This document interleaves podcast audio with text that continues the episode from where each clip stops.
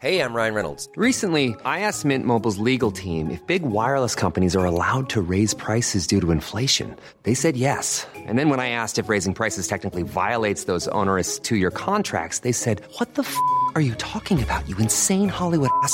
So to recap, we're cutting the price of Mint Unlimited from $30 a month to just $15 a month. Give it a try at mintmobile.com slash switch. $45 upfront for three months plus taxes and fees. Promo rate for new customers for limited time. Unlimited more than 40 gigabytes per month. Slows. Full terms at mintmobile.com. Everyone knows therapy is great for solving problems, but getting therapy has its own problems too, like finding the right therapist, fitting into their schedule, and of course, the cost. Well, BetterHelp can solve those problems. It's totally online and built around your schedule. It's surprisingly affordable too. Connect with a credentialed therapist by phone, video, or online chat, all from the comfort of your home.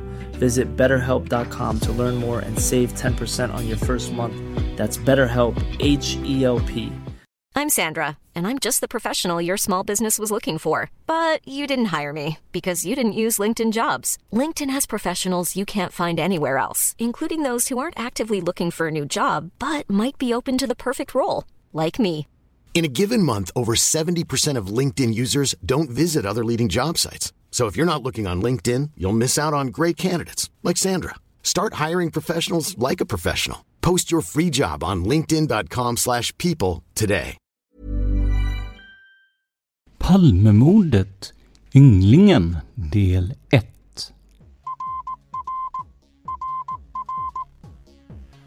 Sveriges statsminister Olof Palme är död. 90 000. Ja, det är mord på Sveavägen.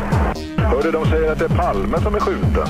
Mordvapnet med säkerhet är en Smith Wesson, en revolver kaliber .357. Inte ett svar. Finns inte ett svar. För jag har inget. Och jag har inte varit Varför skulle jag Polisen söker en man i 35 till 40-årsåldern med mörkt hår och lång mörk rock. Välkomna till podden Palmemordet som idag görs av mig, Tobias Henriksson på PRS Media. Nu är jag äntligen tillbaka efter en långtidssjukdom och jag vill börja med att tacka alla som har skickat uppmuntrande meddelanden och på annat sätt stöttat under den här tiden. Det har verkligen betytt jättemycket. Eh, ett särskilt tack vill jag såklart rikta till Dan som med bravur tagit sig an samtliga avsnitt under min frånvaro trots ett fullspäckat schema i övrigt. Jag ska bara kort beröra varför jag varit borta och anledningen till att jag gör det är att jag tror att det skulle kunna hjälpa andra. Det senaste året har det hänt mycket i mitt liv. Det har varit det vanliga med relationer som tagit slut och stress på jobbet. Men också annat som till exempel det chockerande beskedet att vår medarbetare och vän David Lyning gått bort i cancer. Dessutom är jag, när det här sänds första gången, varslad om uppsägning på mitt ordinarie jobb då vi förlorat en del upphandlingar. Så det blev helt enkelt för mycket och i följden av det kom depression och ångest. Tack vare god hjälp från vården och nära och kära är jag nu någorlunda på fötter igen, även om energinivåerna är långt ifrån vad de en gång var. Jag berättar det här för jag tror att det är många som har samma problem som jag, men som kanske inte vill eller vågar prata om det. Psykisk ohälsa är fortfarande något av ett tabu i vårt annars så upplysta samhälle, tycks det. Min uppmaning är att våga prata om det, oavsett om det är med nära och kära eller med vården. Det finns i de allra flesta fall en lösning, men ibland behöver man hjälp för att se den.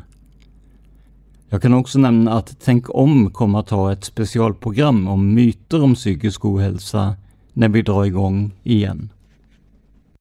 Men det här är ju podden Palmemordet och om du känner att du vill stötta oss, vilket såklart alltid är välkommet, så gör du det lättast på patreon.com palmemordet.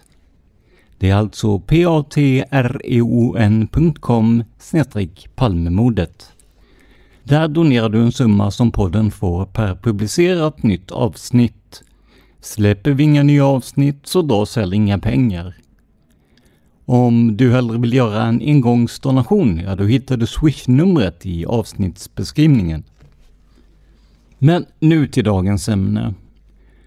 Under min tid som reporter och programledare på podden Palmemordet har jag allt som oftast pekats ut som att jag inte tror på att en konspiration kan ligga bakom mordet. Jag har fått kritik för att jag har sågat vissa lösningar som inte gått att leda i bevis. Men kritikerna har fel. Jag kan mycket väl tänka mig att en konspiration ligger bakom mordet på Olof Palme i den bemärkelsen att flera personer samarbetat för att röja statsministern ur vägen. Det är konspirationsteorier jag inte tror på. Eller, det är egentligen inte fråga om tro utan om klassisk research. Många av de konspirationsteorier som omgett Palmemordet är helt enkelt inte möjliga utifrån de fakta vi känner till idag. Men som sagt, jag är inte på något sätt motståndare till att flera personer kan ha varit inblandade i mordet, vilket ni kommer att få se i dagens avsnitt. För som en av programledarna för podden Palmemordet får jag ofta meddelanden och ibland även telefonsamtal från personer som säger sig ha en lösning på dramat. Ofta går det ganska snabbt och lätt att avfärda personerna då deras version av vad som har hänt inte får stöd i kända fakta eller direkt motsäger det vi vet. I andra fall skulle det krävas månader, kanske år av research för att se om teorin stämmer. Och gör den inte det, ja då har jag ägnat hela den tiden åt ett spår som jag ändå inte kan sända. Med andra ord har jag jobbat utan ersättning under en lång tid. Så när någon närmar sig mig och säger att de har lösningen på mordet, ja, då är jag generellt skeptisk. Bakgrunden till dagens avsnitt utspelade sig i Facebookforumet Palmerummet. Jag vill minnas att man diskuterade Anna Hages vittnesmål och plötsligt skriver en person och frågar ungefär varför man städat bort ynglingen, som man kallade honom. Den enda yngling som jag kommer tänka på var såklart Stefan G, vilket jag också svarade. Men det var inte honom personen menade. Det fick jag reda på i ett privat meddelande lite senare på dagen. För enligt personen ska ynglingen ha varit han själv. Ja, jag behöver väl knappast säga att jag eh, var tveksam. Jag hade alltid tolkat ynglingen som just Stefan G. Men personen i andra änden stod på sig och menade att det var han. Han bad mig också att ta kontakt med en annan person som kände till historien. Jag gjorde så och fick en redogörelse för vad som ska ha försiggått den 28 februari 1986. Och det är viktigt att poängtera att mannen som säger sig vara ynglingen inte var Olof Palmes mördare om man går på den här teorin. Tvärtom försökte han rädda Olofs liv. Men vi kommer till det lite senare. Jag var fortfarande skeptisk till det hela. Inte på grund av personerna som jag pratade med, de verkade både rediga och ärliga, men på grund av alla andra liknande samtal jag fått. Jag bestämde mig ändå för att lyssna, anteckna och fråga. För här har vi en historia som aldrig kommit till allmänhetens kännedom. Och en historia där sagespersonen säger sig veta hur mordet gick till. Jag funderar ju alltid kring motiv för att gå ut med en sån här sak. Jag försöker, ja, vara djävulens advokat om man så vill. Kan det finnas ekonomiska motiv? Någon bakomliggande psykisk ohälsa eller något som gör att man vill hamna i rampljuset? Eller bara ett bekräftelsebehov? Vi har ju sett många sådana exempel i utredningen genom åren. Faktum är att ingen av mina vanliga varningssignaler ringde. Men jag kan såklart inte bara lita på magkänsla. Så jag sa att om vi ska köra på det här, ja då måste vi kunna kontrollera så mycket som möjligt, gärna på plats i Stockholm. Vi måste få en sammanhängande berättelse och vi måste få en tidslinje över vad som ska ha hänt. Personen som eh, säger sig varit ynglingen Vi kommer till honom snart. Delade frikostigt med sig av sin berättelse, men hans sätt att berätta gjorde det lurigt för mig att få ihop historien. Han hade nämligen en tendens att eh, hoppa mellan sekvenser och tider, mellan personer som hörde till ett annat sammanhang och som man trodde han berättat om. Det han inte gjorde var att ändra något väsentligt i sin utsaga. Grunderna var alltid de samma. En del detaljer kunde tillkomma och självklart skulle dessa kunna vara ett rent påhitt. Men ofta hängde han upp det på någonting annat. Alltså att han mindes för att händelsen hängde ihop med det han berättat nyss. Med Lars Borgnäs ord hade han en krok att hänga upp minnet på. Personen i fråga har alltså varit tyst om allt det här i 37 år. Inte sagt någonting. Är det rimligt? Ja, jag tror faktiskt det om man eh, tittar lite på vem personen är. Dessutom har han lagt ut små krokar i forum på internet om just det här med ynglingen. Så helt tyst har det inte varit. Hur som helst, efter att ha vågat ta steget och kontakta oss ville personen gärna att det skulle hända något relativt snart. Jag förstår honom. Om det är som han säger har han burit på en hemlighet i snart 40 år och när locket väl är av burken, då är det klart att man vill agera. Men för egen del var jag först tveksam till en snabb publicering. Det fanns ett stort antal namn att kolla, personer att prata med, sociala mediekonton att kolla på och mycket mer. Och alla detaljer som personen kom med, det skulle ta evigheter att granska. Så vi stod inför två val, som vi kommer att kalla lösningen och berättelsen. Lösningen bestod i att vi skulle lägga ner den tid som krävdes för att kunna bekräfta eller avfärda den här nya historien. Det kanske skulle ta månader, år, kanske årtionden, men det skulle bli ordentligt genomgånget. Med min inbyggda skepsis till sådana här lösningar tyckte jag att det var den bästa vägen. Och om vi inte kunde styrka att det var som personen sa, ja då hade vi ändå nått en lösning för honom personligen. Det andra sättet att agera kallade vi som sagt berättelsen. Och det är precis vad det låter som.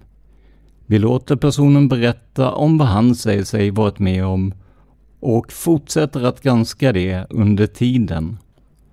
Fördelarna med det här är att det blir lite ringa på vattnet. För när historien är ute kan vem som helst hjälpa till att kolla upp platser, namn och annat. Det blir som en slags open source-projekt för att använda datorspråk. Vår huvudperson föredrog det andra, men inte för att uppgifterna inte tålde en granskning, utan för att han ville lätta sitt samvete och berätta. Ju förr, desto bättre. Vi kom överens om att vi åtminstone behövde en vallning på plats i Stockholm och den genomfördes också. Tyvärr var detta under tiden som jag var sjukskriven, så jag kunde inte själv närvara. Men allt dokumenterades och ni kommer att få ta del av citat från filmerna i det här avsnittet. Jag såg också på filmerna ett antal krokar som stämde i det personen sa. Saker som kanske inte alla känner till om man inte har ett ohälsosamt intresse för ämnet Palmemordet.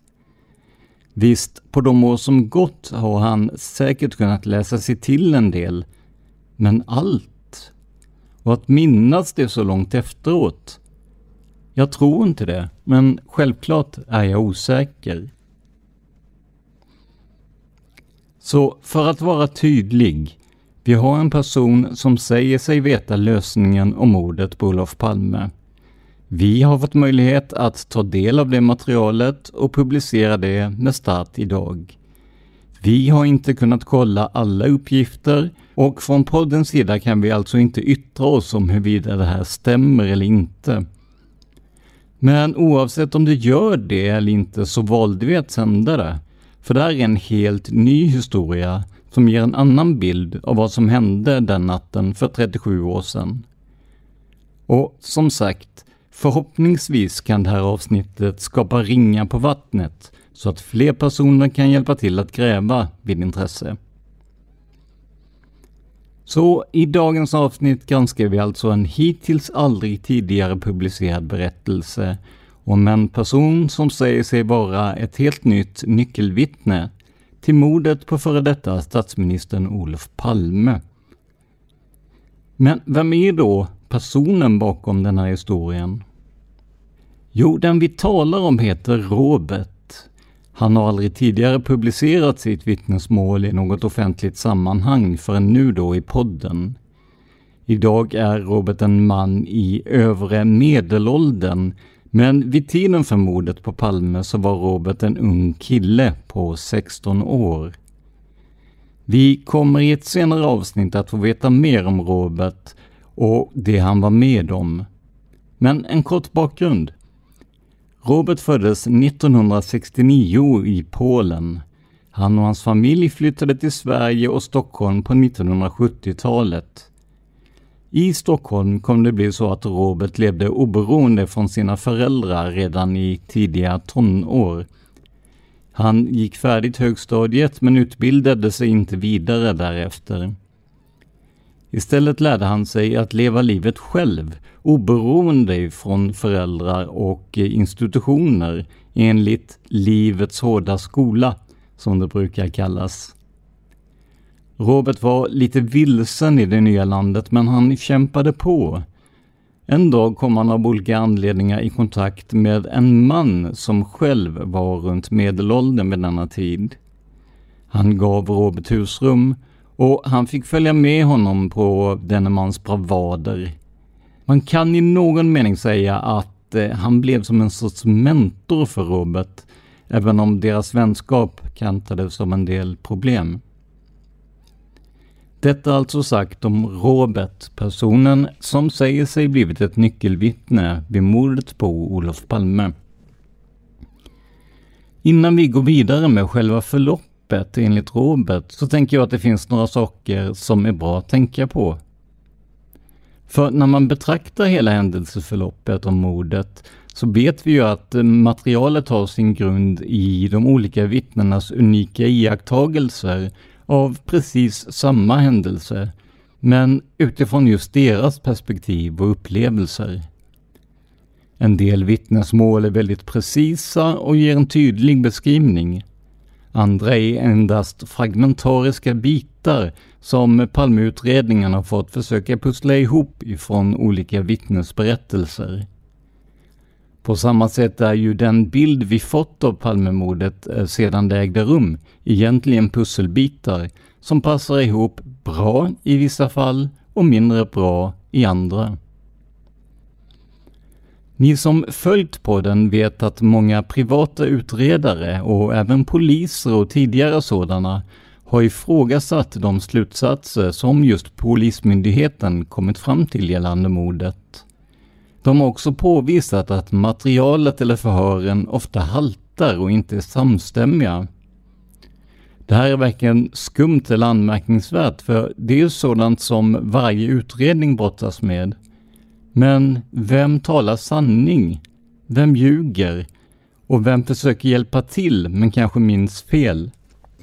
För att göra uppgiften att lägga pussel för allmänheten än svårare har många delar av materialet maskerats och andra detaljer är till och med hemligstämplade, vilket många gånger skapat misstankar om att det är saker som döljs i syfte att mörka sanningen om mordet.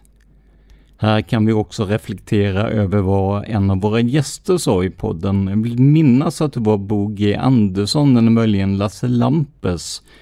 Att eh, maskningen av dokument blivit hårdare just för att allmänheten inte ska kunna lägga pussel. Säkert är det välmenande för att oskyldiga personer inte ska hängas ut, men det skapar såklart en grogrund för misstänksamhet när man inte får ta del av delar av materialet. There's never been a faster or easier way to start your weight loss journey than with PlushCare. PlushCare accepts most insurance plans and gives you online access to board-certified physicians who can prescribe FDA-approved weight loss medications like Wigovi and Zepbound for those who qualify. Take charge of your health and speak with a board-certified physician about a weight loss plan that's right for you. Get started today at plushcare.com slash weight loss. That's plushcare.com slash weight loss. plushcare.com slash weight loss. Everyone knows therapy is great for solving problems, but getting therapy has its own problems too, like finding the right therapist, fitting into their schedule, and of course, the cost. Well, BetterHelp can solve those problems. It's totally online and built around your schedule. It's surprisingly affordable too. Connect with a credentialed therapist by phone, video, or online chat, all from the comfort of your home. Visit betterhelp.com to learn more and save 10% on your first month. That's BetterHelp, H E L P. If you're looking for plump lips that last, you need to know about Juvederm lip fillers. With Juvederm Volbella XC and Juvederm Ultra XC, your lip look, whether it's subtle or bold, can last up to one full year with optimal treatment and no additional maintenance. Find a licensed specialist and see if it's right for you at juvederm.com today. That's J U V E D E R M.com. Add fullness to lips in adults over 21 with Juvederm Volbella XC or Juvederm Ultra XC. Do not use if you have severe allergies or a history of severe allergic reactions, or if you're allergic to lidocaine or the proteins used in Juvederm. Tell your doctor if you have a history of scarring or taking medicines that decrease the body's immune response or that can prolong bleeding. Common side effects include injection site redness, swelling, pain, tenderness, firmness, lumps, bumps, bruising, discoloration, or itching. As with all fillers, there's a rare risk of unintentional injection into a blood vessel, which can cause vision abnormalities, blindness, stroke, temporary scabs, or scarring. For full important safety information, visit juvederm.com. Men tillbaka till vår historia och till ett specifikt vittnesmål, nämligen Anna Hages. Om det som Robert säger stämmer är det här en detalj som har gåtts förbi eller missats fram till nu. Händelsen beskrivs och omnämns mycket kort i det officiella utredningsmaterialet. Vi har ju i tidigare avsnitt tittat på Anna Håges beskrivning av mordet och vi kommer nu att gå tillbaka till ett tidigt polisförhör med henne. För er som vill kolla upp det här hänvisar vi till Palmemordsarkivet eller vpu.nu där ni kan söka på Anna Hage eller på E1900-A vilket är ett förhör hållet av Åke Torstensson med den unga sjuksköterskestuderande. Här står citat. I samband med att Anna steg ur bilen såg hon också en kvinna som stod intill den liggande mannen. Vidare fanns där en yngling som uppehöll sig vid mannens huvud.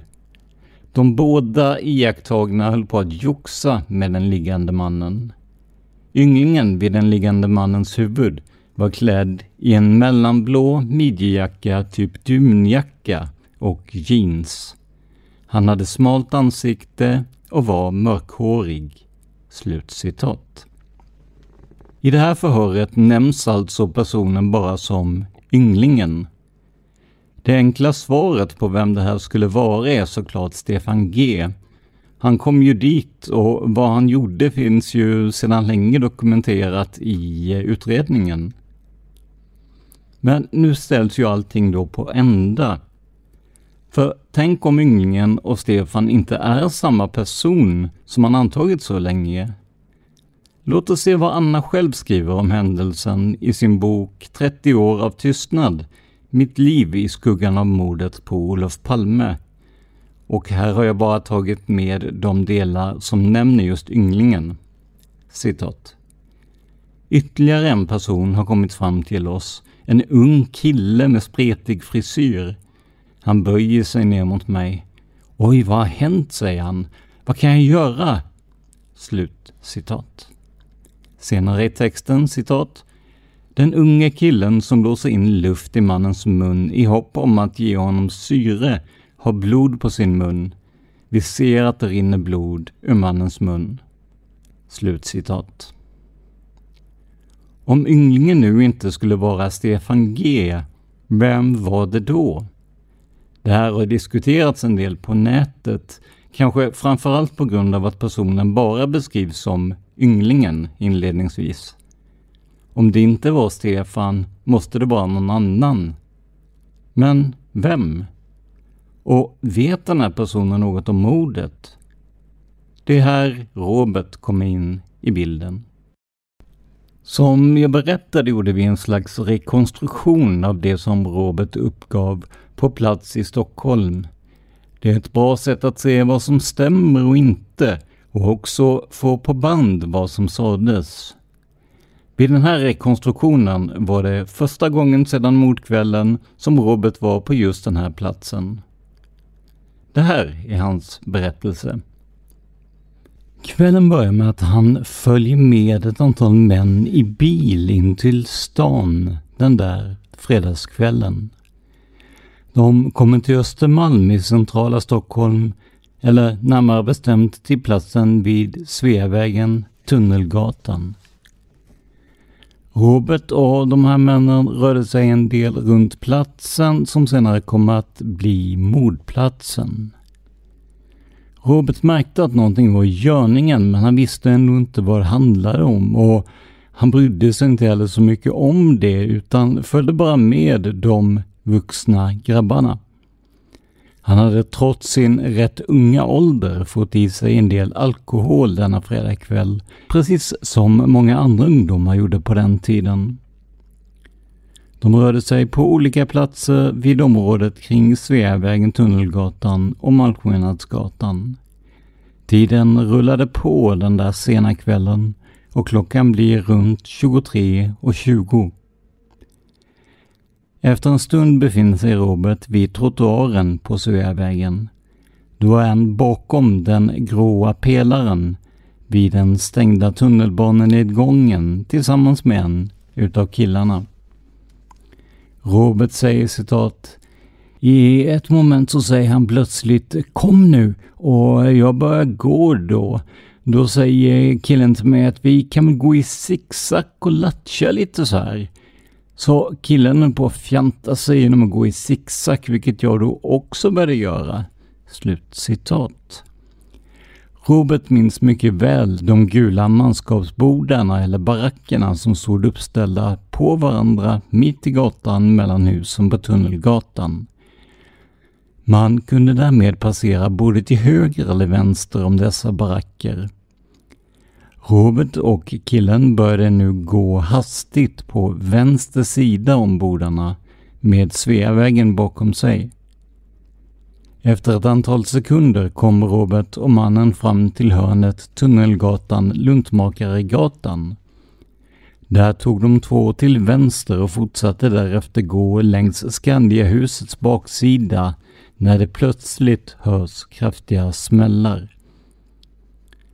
Personen som intervjuar Robert vid den här vallningen frågar följande.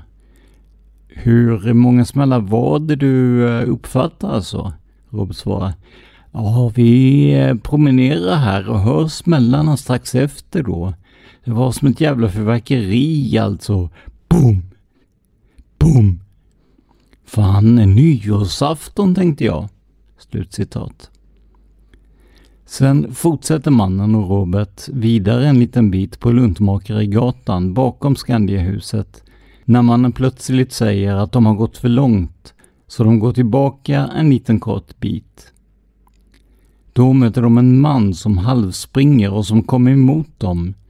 Vad som bland annat händer kommer vi att ta upp i ett senare program. Robert och mannen kommer nu tillbaka till hörnet Luntmakaregatan, Tunnelgatan och då vänder sig Robert om och kollar efter var mannen tog vägen. Robert står nu ensam i hörnet medan mannen han gick med tidigare plötsligt går iväg ensam bort mot barackerna för att sen komma tillbaka till Robert igen. Men mannen sticker iväg ytterligare en gång mot barackerna och möter Robert igen som står kvar där i hörnet. Då nästan föser mannen med Robert en liten bit in på Tunnelgatan in till barackerna och pekar bort mot Sveavägen och säger till Robert Spring och kolla, det är något som har hänt där borta. Samtidigt noterar Robert att mannen han är med har lagt märke till en kille som står och trycker i någon form av blå jacka och som står mellan barackerna. Mannen stirrar mot killen i blå jacka vid baracken. Nu springer Robert fram på den hala tunnelgatan mot Sveavägen. På vägen möter han en lång man som halvspringer och passerar honom. Han känner inte igen mannen, men denne hade mörka kläder. Robert är säker på att det inte är Stig Engström. Han ser nu att det ligger en person där framme, ungefär vid vägen. Bredvid står en kvinna som skriker. Jag tänkte att vi skulle lyssna på vad Robert själv har att säga om vad som hände sedan och det gör vi med hjälp av ljud från den rekonstruktion som han var med på. Klippen är inspelade med mobiltelefon så ljudet har inte studiokvalitet men det går definitivt att höra vad som sägs. Hey, it's Paige DeSorbo from Giggly Squad. High quality fashion without the price tag. Say hello to Quince. I'm snagging high-end essentials like cozy cashmere sweaters, sleek leather jackets, fine jewelry, and so much more. With Quince being 50 to 80% less than similar brands. And they partner with factories that prioritize safe, ethical, and responsible manufacturing. I love that. Luxury quality within reach. Go to quince.com slash style to get free shipping and 365 day returns on your next order. Quince.com slash style. Ja, jag sätter av här rätt så fort va. Men först i början så var det isigare här va. Ja. Men sen då var raka vägen här.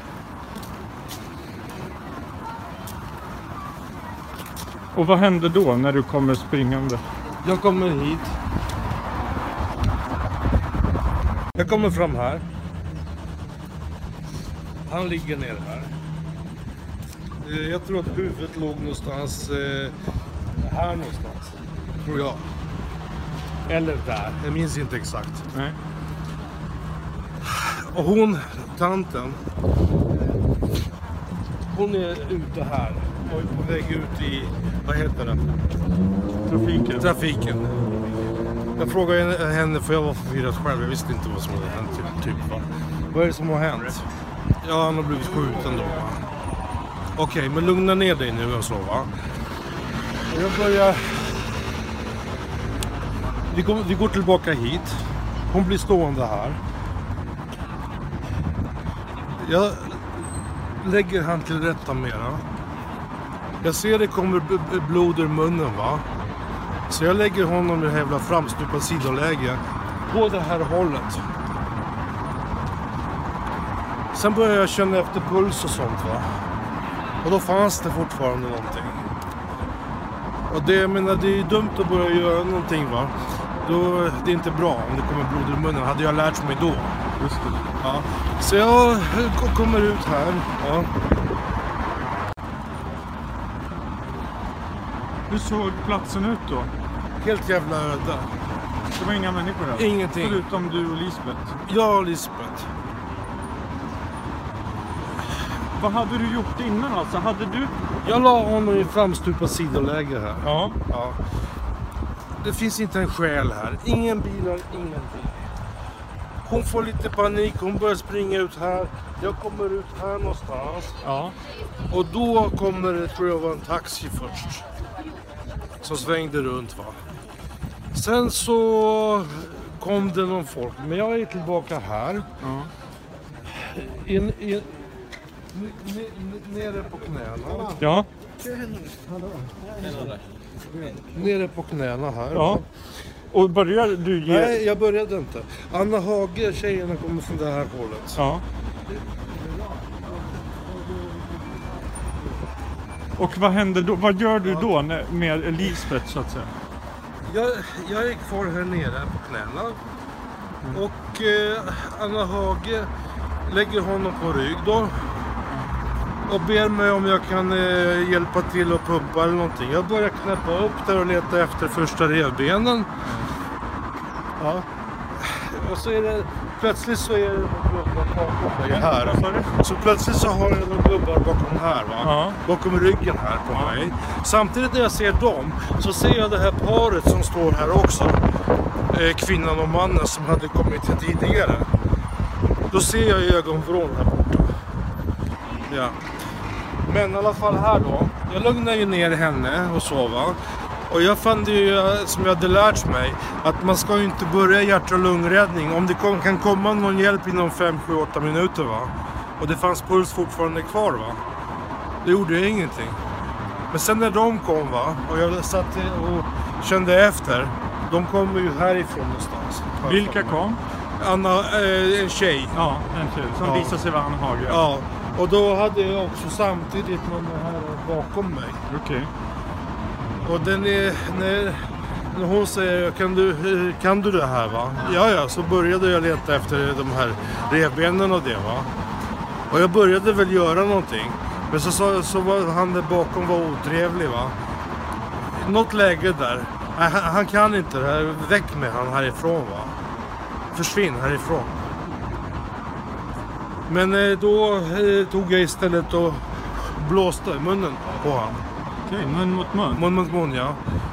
För hon hade hållit på med det och sen fick jag blåsa va. Hur gjorde du det då om man säger? Ja. Jag blev ju blodig och kladdig allting va. Och sen eh, så, jag såg ju de här som stod där då och tittade på. Det här paret. Ja. Det, just det, det paret. Vad, vad, hur såg de ut kan man säga? Ja, hon var lång. Lång? Ja. Och han var kortare då va.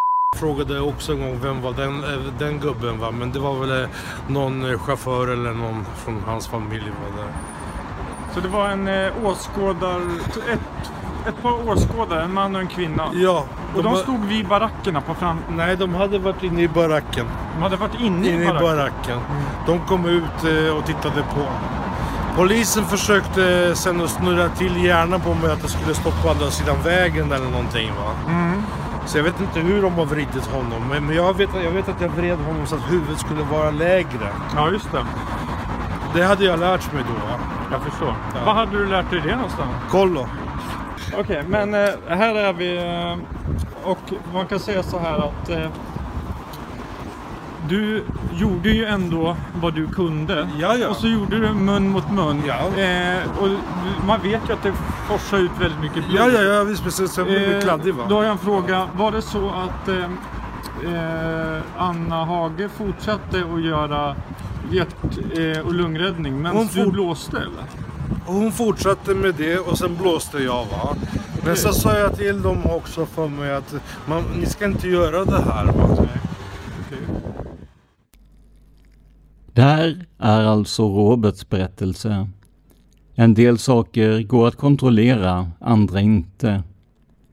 Om det är sant eller inte är väl egentligen upp till vad man själv tror.